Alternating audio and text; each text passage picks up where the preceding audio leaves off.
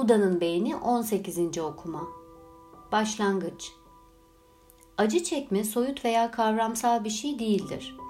Cisimleşmiş haldedir. Acıyı bedeninizde hissedersiniz ve beden mekanizmaları üzerinden ilerler. Acı çekmenin fiziksel işleyişini anlamak onu kişisel algılamamanıza daha çok yardımcı olacaktır. Keyifsiz bir durum olduğu kesindir. Ancak bunun için üzülmeye değmez.'' Çünkü bu takdirde daha çok ikincil ok gelecektir. Acı, sempatik sinir sistemi ve endokrin sisteminin hipotalamus, hipofiz, adrenal aksı aracılığıyla bedeninize akar. En iyisi bu kelime cümbüşünü açıklayıp tüm bunların nasıl işlediğine bakalım. Sempatik sinir sistemi ve hipofiz adrenal aksı anatomik açıdan farklı olsalar da öylesine iç içe geçmişlerdir ki onları entegre bir sistem olarak birlikte tanımlamak en doğrusudur. Ayrıca ödülleri yakalamaktansa cezalar karşısındaki tepkilere yoğunlaşacağız. Çünkü rahatsızlık verici tepkilerin beynin olumsuzluk önyargısı sebebiyle etkileri genellikle daha büyüktür. Alarmlar çalar. Bir şey olur. Bir araba aniden önünüze çıkmış İş arkadaşınız sizi eleştirmiş ya da sadece aklınıza endişe verici bir düşünce gelmiş olabilir. Sosyal ve duygusal durumlar fiziksel olanlar kadar sert bir etki yaratabilir.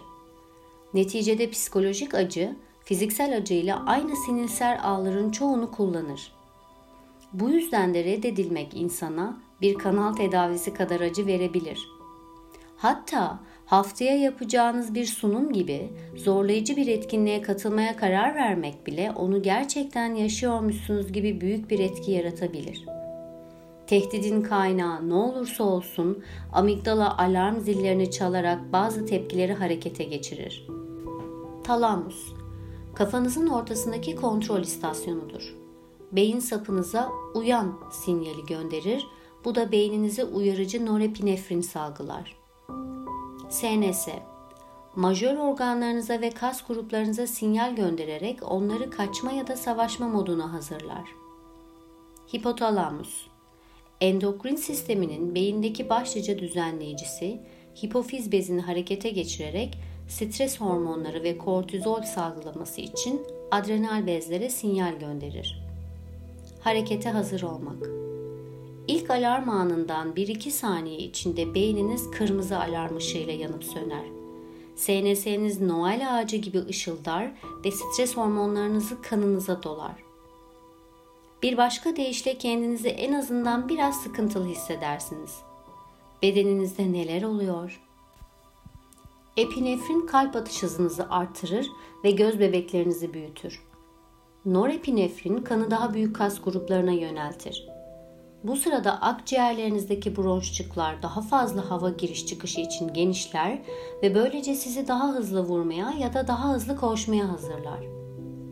Kortizol, yaralardan kaynaklanan yangıyı azaltmak için bağışıklık sistemini baskılar.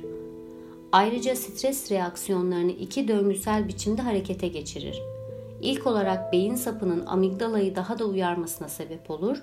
Bu da daha çok kortizol üreten SNS sistemindeki amigdala etkinliğini artırır.